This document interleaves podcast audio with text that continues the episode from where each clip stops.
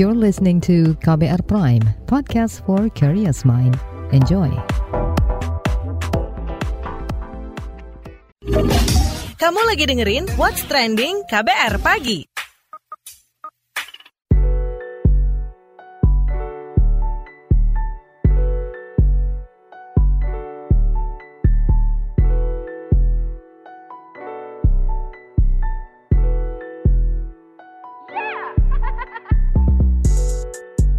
KBR Pagi, siaran pagi radio paling update. Selamat pagi, apa kabar Anda hari ini di hari Kamis, 15 September 2022? Kembali lagi saya Don Brady menjadi teman pagi hari Anda semuanya di What's Trending KBR Pagi, pastinya. Jadi baru-baru ini masyarakat tengah dihebohkan dengan kematian dari seorang santri bernama Albar Mahdi yang diduga meninggal akibat kekerasan di Pondok Pesantren Modern Darussalam Gontor, Ponorogo, Jawa Timur. Pihak kepolisian telah menetapkan dua santri senior sebagai tersangka yaitu MFA 18 tahun dan IH 17 tahun. Di Reskrimum Polda Jatim Kombes Pol Totok Suharyanto menyebut bahwa pelaku kesal karena hilangnya pasak tenda. Sebagaimana diketahui, korban adalah panitia perkemahan Kamis Jumat atau Perkajub. Kabar tewasnya AM viral di media sosial setelah ibunya sembari menangis mengadu ke pengacara Hotman Paris. Netizen juga ramai memprotes perihal penyebab kematian santri yang ditutupi. Juru bicara Pondok Modern Darussalam Gontor, Nur Syahid, kepada Kompas.com menyebut bahwa orang tua sudah menandatangani menyerahkan anak kepada pihak Gontor dengan kesanggupan-kesanggupan. Antara lain untuk sanggup tidak memperkarakan apa yang terjadi kepada polisi. Kata dia, bukan karena Gontor tidak mau proses hukum, tetapi menurutnya secara lembaga Gontor tidak mengajarkan dan mentolerir tindakan kejahatan atau bullying dalam bentuk apa pun dan sekecil apa pun. Saat konferensi pers, pihak Ponpes mengaku telah mengambil tindakan tegas dengan menjatuhkan sanksi kepada yang diduga terlibat, yaitu dengan mengeluarkan yang bersangkutan dari pondok modern Darussalam Gontor secara permanen dan langsung mengantarkan mereka kepada orang tua mereka masing-masing. Meski begitu, Menteri Agama Yakut Kolil Komas menegaskan Kemenak bisa mencabut izin operasional Pondok Pesantren Modern Darussalam Gontor, Jawa Timur, jika terbukti adanya kekerasan sistematis yang dilakukan Ponpes sehingga menimbulkan korban jiwa. Sementara itu, Ikatan Dokter Indonesia Jawa Timur ikut menginvestigasi surat kematian AM yang diduga palsu. Melansir CNN, Ketua ID Jawa Timur Dr. Sutrisno mengatakan pihaknya telah membentuk sebuah tim yang akan memeriksa dan mendalami persoalan surat kematian yang menyatakan sang santri meninggal karena sakit. Dia juga menegaskan pihak-pihak yang terlibat dalam kasus kekerasan yang mengakibatkan korbannya meninggal ini harus dihukum dan diusut tuntas. Nah sebelum kita bahas lebih lanjut, kita dengarkan dulu komentar warganet berikut ini.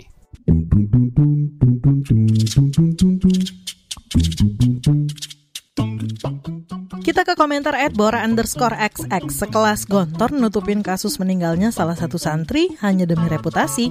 Kabarnya meninggal karena kelelahan eh taunya kekerasan. Harus diusut dan dihukum pelakunya. Gak cuma pelakunya tapi semua pihak Gontor yang berhubungan dengan kematian si santri. Lanjut ke komentar at Poise XX. Kata jubir Gontor tentang kenapa Ponpes gak langsung melapor ada santri tewas. Dulu sebelum masuk Gontor, Ortu telah menandatangani surat penyerahan anak ke pondok. Ada poin kesanggupan salah satunya tidak membawa dibawa ke ranah hukum, kata Ustadz Nur. Lalu komentar at Fajima XX, I understand that Gontor Boarding School is the one of the best Islamic boarding school in Indonesia, but I will not tolerate kind of violence. Lanjut ke at dark xx kekerasan berkedok disiplin seolah-olah kekerasan penganiayaan bullying dinormalisasi. Bukankah adab lebih tinggi dari ilmu? Ponpes sebesar gontor loh ini. Di sana lahir banyak tokoh hebat. But see, penyebab meninggal pun dipalsukan. Komentar at Fahmi XX, saya alumni gontor dan saya mengecam tindakan kekerasan di pesantren. Saya bersimpati dan berbelasungkawa kepada Bu Soimah dan Pak Rusdi atas meninggalnya Ananda Almarmahdi. Semoga almarhum mendapat tempat terbaik di sisi Tuhan. Lanjut ke at Infinite. Mention at Ridwan Kamil dan at Prabowo. Pak Ridwan bisakah sesekali disidak gabungan tempat ponpes dan tempat rehabilitasi berkedok ponpes Tasikmalaya, Garut? Sudah banyak penyimpangan, korban meninggal pun tidak bisa dikatakan sedikit. Praktek pembunuhan, penyekapan, kekerasan itu aja isinya. Lapor polisi juga percuma. Dan terakhir komentar at Idam XX. Alhamdulillah ini kebuka soal kekerasan di ponpes. Udah dari puluhan tahun lalu terjadinya dan bahkan udah jadi budaya yang wajar antar senior dengan dengan junior. Udah saatnya cari solusi soal ini, bukan dibiarin aja dan malah ditoleransi ataupun dilindungi hanya demi reputasi Ponpes. What's Trending KBR Pagi kita lanjutkan obrolan kita pagi ini. Jadi di Reskrimum Polda Jatim Kombes Pol Totok Suharyanto menjelaskan pihaknya masih mendalami kasus ini. Ini dia penjelasan kasus dari Direskrimum Polda Jatim Kombes Pol Totok Suharyanto kepada wartawan 12 September 2022. Di Polres Ponorogo dengan di oleh Ditkrimum Polda Jatim telah menetapkan dua tersangka untuk proses penyidikan tentu yang pertama kita akan membuktikan tentang peran tersangka di kasus kekerasan yang mengakibatkan matinya terhadap satu korban anak termasuk yang dua berkaitan dengan korban kekerasan yang saat ini juga masih dalam proses pembuktian. Untuk pengembangan kasus tentu kita akan sifatnya dinamis dan akan kita kembangkan terus sejauh mana nanti akan kita sampaikan berikutnya yang secara tertulis otopsi yang hari Kamis sekarang masih berproses. Nanti setelah otopsi resmi kita terima akan kita sampaikan. Yang kedua, kalau keterangan dari tersangka bahwa alat pukul tadi atau bambu tadi untuk mukul di paha. Sedangkan di dada keterangan dari tersangka itu dipukul dengan tangan kosong tidak. Ini masih didalami ya. Tapi untuk keterangan awal bahwa korban ini telah menghilangkan perlengkapan dalam acara kegiatan perkemahan. Kemudian dilakukan pemukulan oleh uh, dua tersangka ini. Anggota Komisi Perlindungan Anak Indonesia KPAI, Jasra Putra, berharap keluarga korban mendapat keadilan. Jasra juga berharap kejadian ini jadi pelajaran berharga bagi proses pendidikan di Gontor. Ia pun merekomendasikan sistem pengasuhan yang bertanggung jawab di mana ada pendampingan orang dewasa agar proses pendidikannya berjalan dengan baik. Lebih lanjut kita simak anggota KPAI Jasra Putra. Pengawasan sekolah berasrama ini kan rata-rata ya termasuk di Gontor ini diserahkan kepada kakak juniornya atau kakak kelasnya. Maka ada istilah mudabir ya, eh, di mana kakak senior ini mengasuh adiknya dan mudabir ini kan biasanya diambil dari anak-anak yang sudah selesai mondok dan melakukan pengabdian satu tahun gitu ya. Nah, biasanya mereka ya yang berikan kewenangan untuk melakukan pengasuhan gitu ya, termasuk juga beberapa hal mungkin yang diberikan kewenangan tersebut gitu ya, seperti membangunkan sholat gitu ya, kemudian kegiatan-kegiatan lainnya yang sudah terstruktur yang dilakukan oleh pondok. Gitu. Nah, kalau sementara anak yang kakak junior atau mudabir ini kan masih usia anak, masih dari sisi psikologi masih labil gitu ya. Kalau kewenangan itu diberikan 100% kepada mereka ya tentu eh, potensi kekerasan ini kan akan terbuka gitu ya. Apalagi dari sisi jarak mereka tidak terlalu jauh usianya. Kemudian dari sisi pengalaman, ya namanya pengalaman masih dalam proses menempuh pendidikan, maka sangat berbeda dengan orang-orang dewasa yang katakanlah dari sisi pendidikan uh, sudah selesai gitu ya, uh, terutama pendidikan sarjana gitu ya. Kalau disebut guru kan harus pendidikan sarjana gitu ya. Kemudian sudah dilatih gitu ya, kemudian dari sisi emosi ya dalam petik masih agak stabil. Gitu. Nah itu satu. Nah kemudian yang kedua di pondok ini juga kita lihat bahwa berdasarkan pengakuan alumni ya termasuk juga laporan yang masuk ke kita eh, kekerasan yang apa yang dialami oleh Ananda AM ini sudah biasa gitu ya. Tapi yang ini kan naas ya meninggal gitu ya karena dugaan kekerasan tersebut gitu ya. Tapi seperti menjemur gitu ya, suruh lari, terus e, makan secara cepat dan seterusnya gitu ya. Saya kira itu sudah biasa dilakukan gitu ya. Apabila terlambat maka uh, hukuman fisik itu sudah biasa gitu. Ini ini berdasarkan pengakuan dari alumni. Nah, yang ketiga sebetulnya kalau kalau pondok tahu dengan bagaimana sistem forum anak, setidaknya ada empat hal ketika kita mendorong anak berpartisipasi. Pertama, diberikan informasi secara lengkap. Kemudian yang kedua, mereka dilatih gitu ya, dilatih bagaimana cara menyampaikan informasi, bagaimana cara mendampingi dan seterusnya. Kemudian yang ketiga ada feedback langsung gitu dari apa yang dia sampaikan gitu ya. Artinya feedback langsung dalam hal ini adalah orang dewasa yang yang memantau dan melihat langsung gitu ya. Nah proses ini kan tidak dilakukan gitu ya. Kalau kita di forum anak biasanya seperti itu gitu ya. Nah yang keempat, kecurigaan kita itu muncul ketika ada dugaan surat dipalsukan tidak sesuai dengan riwayat kematian gitu ya. Dan uh, hal ini kan sudah surat itu kan sudah disita oleh polisi ya. Ya tentu harus dibuka gitu motifnya apa gitu ya menutup-nutupi kematian tersebut gitu ya. Padahal orang tua sangat ingin tahu dan punya hak tahu terkait kenapa Ananda AM ini meninggal gitu ya. Menteri Pemberdayaan Perempuan dan Perlindungan Anak I Gusti Bintang Ayu Darmawati mengunjungi Pondok Pesantren Gontor terkait persoalan ini pada 12 September 2022. Dari kunjungannya, Bintang mengklaim pihak Ponpes telah berjanji dan berkomitmen untuk membangun sekolah yang ramah anak, serta bisa melindungi santri-santrinya. Berikut keterangan dari Menteri Bintang. Pondok ya kalau tadi eh, Pondok sudah komitmen bagaimana memberikan perlindungan yang terbaik kepada anak dan kami pun di Kementerian Pemberdayaan Perempuan dan Perlindungan Anak ini kan sudah punya SOP bagaimana uh, satuan pendidikan baik itu pendidikan di sekolah, kemudian pesantren, madrasah untuk mewujudkan yang namanya uh, sekolah, pesantren atau pondok yang ramah anak. Mudah-mudahan ini harapan kami uh, eh, SOP-SOP ini diikuti sehingga satuan pendidikan berasrama apalagi berbasis agama betul-betul bisa memberikan tempat yang nyaman bagi anak-anak kita. Mereka sudah komit, ya sudah komit bagaimana mau mewujudkan gontor yang betul-betul uh, cinta kepada santri, kemudian uh, stop kekerasan kepada anak-anak itu sudah komitmen gontornya. What's trending KBR pagi?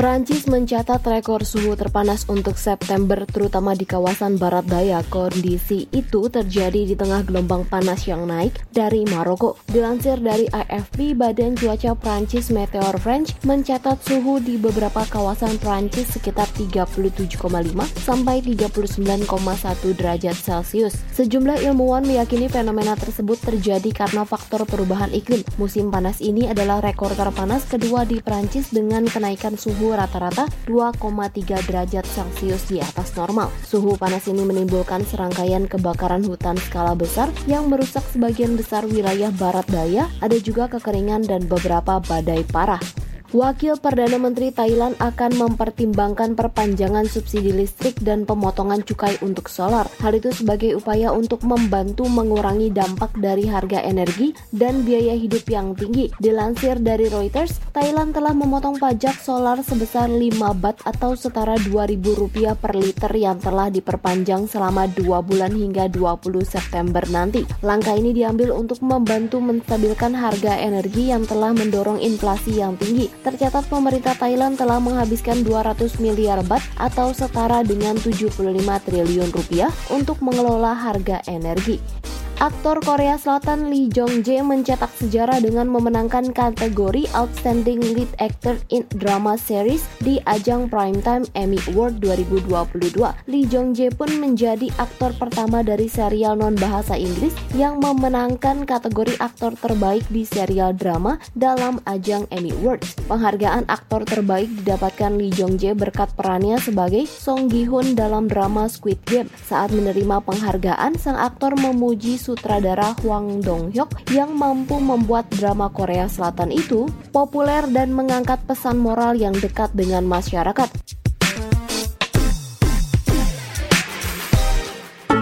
What's trending KBR pagi? Kematian santri di Ponpes Gontor, tuai, kontroversi. Itu yang kita obrolin pagi ini. Nah, Koordinator Nasional Jaringan Pemantau Pendidikan Indonesia JPPI Ubaid Matraji menilai kasus kekerasan kepada anak di sekolah-sekolah, khususnya sekolah asrama dikarenakan lemahnya pengawasan. Ubaid menilai selama ini usaha untuk menghapus kekerasan di sekolah masih kurang. Dia mengkritik pemerintah yang hanya melakukan pengecaman dan penindakan ketika kasusnya menyeruak atau korbannya meninggal. Lebih lengkap kita obrolin bareng Koordinator Nasional JPPI Ubaid Matraji.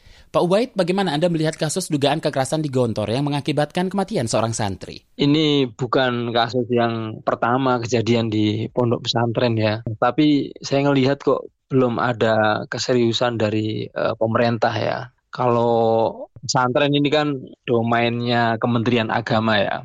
Mestinya Kementerian Agama membuat langkah-langkah terobosan bagaimana tidak sampai terulang ya kejadian-kejadian belakangan ini banyak terjadi di pesantren ya soal kekerasan yang sampai memakan korban meninggal, kemudian kekerasan seksual dan seterusnya. Belakangan sering mengemuka ya di media massa, tetapi saya melihat belum ada ya, belum ada upaya political will dari uh, Kementerian Agama soal ini. Ini kan bukan kasus uh, penganiayaan pertama ya, khususnya di sekolah berasrama. Apa sih yang jadi masalah? Yang pertama tidak ada pengawasan ya, jadi pengawasannya itu sangat lemah. Yang hanya mengawasi ya orang yang di dalam situ gitu lah sejauh mana kemampuan orang dalam itu melakukan pengawasan itu kan tidak mungkin dilakukan 24 jam. Sementara anak-anak di situ itu kan bersama-sama 24 jam. Kemudian tidak ada eh, di luar pihak-pihak yang di internal itu melakukan pengawasan terhadap apa yang terjadi di dalam. Nggak mungkin. Nggak mungkin. Karena itu kan berasrama biasanya di apa model klaster atau model uh, di pagar dan seterusnya tertutup gitu sehingga pemantauannya tidak bisa uh, dilakukan secara komprehensif gitu ya. Kemudian yang kedua dari pihak pesantren sendiri juga belum ada atau dari pihak Kementerian Agama misalnya atau di Kemendikbud soal sekolah-sekolah berasrama kalau di Kementerian Agama Pondok Pesantren ini bagaimana sistem monitoring pengawasan dari sekolah yang berpesantren ya itu tidak ada misalnya bagaimana sistem pengawasannya seperti apa gitu dan yang ketiga Uh, kalau mesti ada sistem uh, pencegahan, apa yang harus penuhi di situ? Apakah ada semacam dibikin early uh, warning system misalnya atau dibikin mekanisme pengaduan seperti apa dan seterusnya itu tidak ada tidak ada sama sekali gitu. Nah selama ini tuh ada nggak upaya perbaikannya program sekolah ramah anak ini tuh sudah benar-benar diterapkan belum Pak? Di lapangan itu belum ada perubahan yang cukup signifikan ya. Kalau saya melihat setiap kejadian itu ya pemerintah pasti mengecam beberapa pihak ya pasti menyesalkan gitu. Tetapi setelah itu apa yang dibutuhkan orang tua itu kan jaminan soal sekolah-sekolah yang berasrama, kemudian pesantren-pesantren yang ramah anak gitu kan. Tetapi tidak ada itu setelah setelah mereka mengecam, setelah mereka mengungkapkan kekecewaannya dan seterusnya, kebijakan apa gitu. Apa sanksi dari pengelolanya misalnya? Itu juga tidak ada itu kan. Sekolah ramah anak itu sudah ada ya bahkan itu ada pelang-pelangnya beberapa sekolah itu ada tulisan SRA gitu ya sekolah ramah anak. Ada yang di madrasah itu madrasah ramah anak dan seterusnya gitu. Tetapi yang jadi pertanyaan publik adalah itu pelang-pelang itu apakah menunjukkan atau mencerminkan beberapa sistem yang ingin diterapkan dalam sekolah ramah anak gitu. Sejauh mana keberhasilan implementasi program sekolah ramah anak gitu. Ketercapaiannya berapa, tantangannya apa gitu. Nggak ada itu, nggak ada evaluasi dari pihak mana pun ya soal soal itu gitu. Sehingga meskipun sekolahannya itu tulisannya sekolah ramah anak gitu ya, tetap saja kebijakan uh, kejadian-kejadian di level sekolah itu yang yang terjadi adalah perlakuan-perlakuan yang tidak ramah anak gitu. Misalnya hal-hal yang biasa dilakukan misalnya pendisiplinan siswa melalui pendekatan kekerasan. Itu masih terjadi gitu menegur siswa dengan cara-cara uh, pendekatan kekerasan masih terjadi dan seterusnya gitu. Nah, tetapi yang digaungkan oleh pemerintah, yang diklaim oleh pemerintah itu kan bahwa sekolah ini sudah menerapkan sekolah ramah anak, ada pelang papan namanya gitu kan. Tetapi kita dikelabui dengan apa yang sebenarnya terjadi di sekolah itu. Siapa yang melakukan pengawasan? Siapa yang melakukan evaluasi? Siapa yang melakukan asesmen penilaian soal keberhasilan itu? Nggak ada instrumennya tidak ada gitu. Sehingga kita tidak tahu sekolah ini apakah sudah menjadi tempat yang aman bagi anak-anak gitu. Karena banyak pengaduan dari orang tua itu ya masih menggunakan pendisiplinan dengan kekerasan kemudian ada juga beberapa kasus kekerasan seksual mereka mau melapor melapor ke mana ada kasus apakah pelapor ini mendapatkan perlindungan dan seterusnya itu sistemnya itu nggak nggak jalan itu di di sekolah-sekolah itu. Nah belakangan marah kasus kekerasan di lingkungan pendidikan. Evaluasi apa yang perlu dilakukan di sektor pendidikan? Jadi ini dari semua sektor bisa kita evaluasi ya. Yang pertama soal kebijakannya itu, apakah kebijakannya itu bisa dijalankan di lapangan atau tidak gitu. Itu harus dievaluasi karena kebijakan sekolah ramah anak itu sudah ada, tetapi kenapa di lapangan tidak berjalan dengan baik gitu. Itu harus dievaluasi. Jadi kalau misalnya oh ternyata kebijakannya sudah bagus tapi implementornya yang yang bermasalah itu yang di lapangan, maka kita eh, koreksi soal bagaimana strategi implementasinya dan seterusnya. Tetapi kalau misalnya yang yang bermasalah itu di kebijakannya, berarti kebijakannya yang harus disempurnakan dan seterusnya gitu. Kemudian eh, yang kedua soal pemahaman soal literasi sekolah ramah anak itu seperti apa. Ini harus menjadi pemahaman bersama ya. Jadi perlu ada capacity building tidak hanya peserta didik, tidak hanya guru ya, tapi semua yang terlibat di sekolah itu.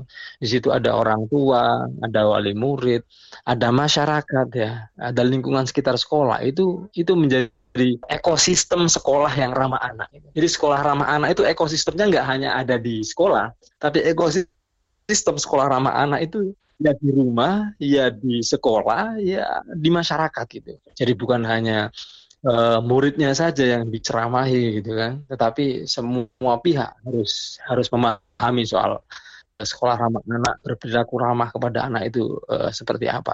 Terima kasih Koordinator Nasional Jaringan Pemantau Pendidikan Indonesia Ubaid Matraji. What's trending KBR pagi? Commercial break. Commercial break. Sepasang kekasih yang terpaut usia hingga 61 tahun di Subang. Ini bukan hal baru. angka pernikahan dini juga Kawin anak terus terjadi, sering kali menjadi viral, bahkan jadi bahan guyonan dalam kemasan berita yang sensasional. Seorang gadis berusia 18 tahun. Seolah ini bukan masalah. Tapi, bagaimana rasanya kawin ketika masih di usia anak? Gimana sih perasaan saya tuh sebenarnya hancur waktu itu hancurnya bisa naik sekolah ya pengen banget sekolah lihat orang. Saya ajak kamu mendengar langsung suara mereka yang dikawinkan di usia anak. Ibu sama bapak tetap paksa untuk menikah. Saya tidak bisa memenuhi impian Bapak Ibu. Saya Malika, ini adalah Disclose, serial podcast investigasi dari KBR. Yang penting saya mau ningkain cita-cita Disclose, dipaksa kawin bisa disimak di KBR Prime, Spotify, dan aplikasi mendengarkan podcast lainnya. What's Trending KBR Pagi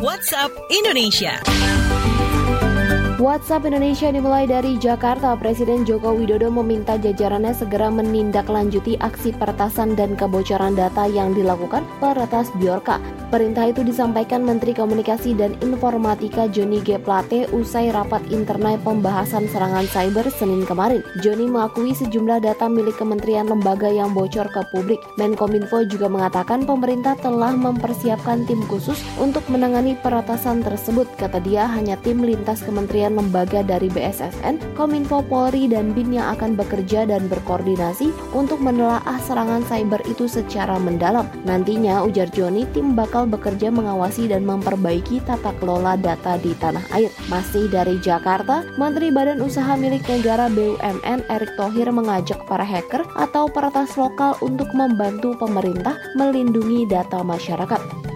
Ajakan ini ia sampaikan terkait maraknya peretasan belakangan ini. Ia mengatakan peretasan yang berujung pada pencurian data pribadi merupakan hal yang sangat serius bagi masyarakat dan juga merugikan. Erik mengatakan, untuk melindungi data masyarakat pemerintah tidak bisa bergerak sendiri. Diperlukan ahli digital hingga peretas untuk saling bekerja sama. Erik juga menegaskan dirinya tidak marah saat peretas membocorkan data pribadinya. Menurut Erik, data yang keluar merupakan informasi pejabat yang bisa ditemukan di internet. Namun ia lebih khawatir khawatir jika data lain milik masyarakat bocor dan disalahgunakan. Sementara itu, Menteri Koordinator Bidang Politik Hukum dan Keamanan Menko Polhukam Mahfud MD mengakui terjadi kebocoran data negara saat ini, namun ia menilai data yang bocor bukan merupakan informasi rahasia milik negara. Bahkan menurut Mahfud, dokumen yang beredar sudah biasa terpublikasi di media. Mahfud juga telah menerima laporan dari Badan Cyber dan Sandi Negara BSSN terkait lembaga pemerintah mana saja yang diretas. Saat ini pihak pihaknya tengah mendalami adanya kemungkinan data lain bocor sedangkan terkait surat Presiden Joko Widodo yang ikut diretas, menurutnya informasi tersebut juga masih didalami tim cyber. Terakhir mampir Ambon. Menteri Pariwisata dan Ekonomi Kreatif Sandiaga Salahuddin Uno menilai kota Ambon bisa menjadi epicentrum musik bukan hanya di tanah air tapi juga di dunia. Saat menghadiri workshop pengembangan kabupaten atau kota, kata kreatif di Ambon City Center di kota Ambon, Maluku, Menparekraf Sandiaga mengajak seluruh pihak untuk menghadiri berbagai macam event musik dari skala nasional hingga internasional di kota Ambon yang sudah menjadi bagian jejaring kota kreatif UNESCO. Menurut Sandi, saat ini sedang dikembangkan wisata musik yang difokuskan di 10 destinasi tujuan wisata unggulan di 5 kecamatan di kota Ambon. Masing-masing wisata musik tersebut menyuguhkan pertunjukan musik yang unik dan khas. Tak hanya memajukan subsektor musik, dukungan dan dorongan juga diberikan bagi subsektor aircraft terkait lainnya, seperti kuliner dan juga seni pertunjukan. Demikian WhatsApp Indonesia hari ini. Demikian KBR pagi hari ini. Jika Anda tertinggal siaran ini, Anda kembali bisa menyimaknya di podcast What's Trending yang ada di Spotify, kbrprime.id, dan di aplikasi mendengarkan podcast lainnya. Don't pray diundur diri, besok kita ketemu lagi. Stay safe. Bye-bye. Terima kasih ya sudah dengerin What's Trending KBR Pagi. KBR Prime, cara asik mendengar berita. KBR Prime, podcast for curious mind.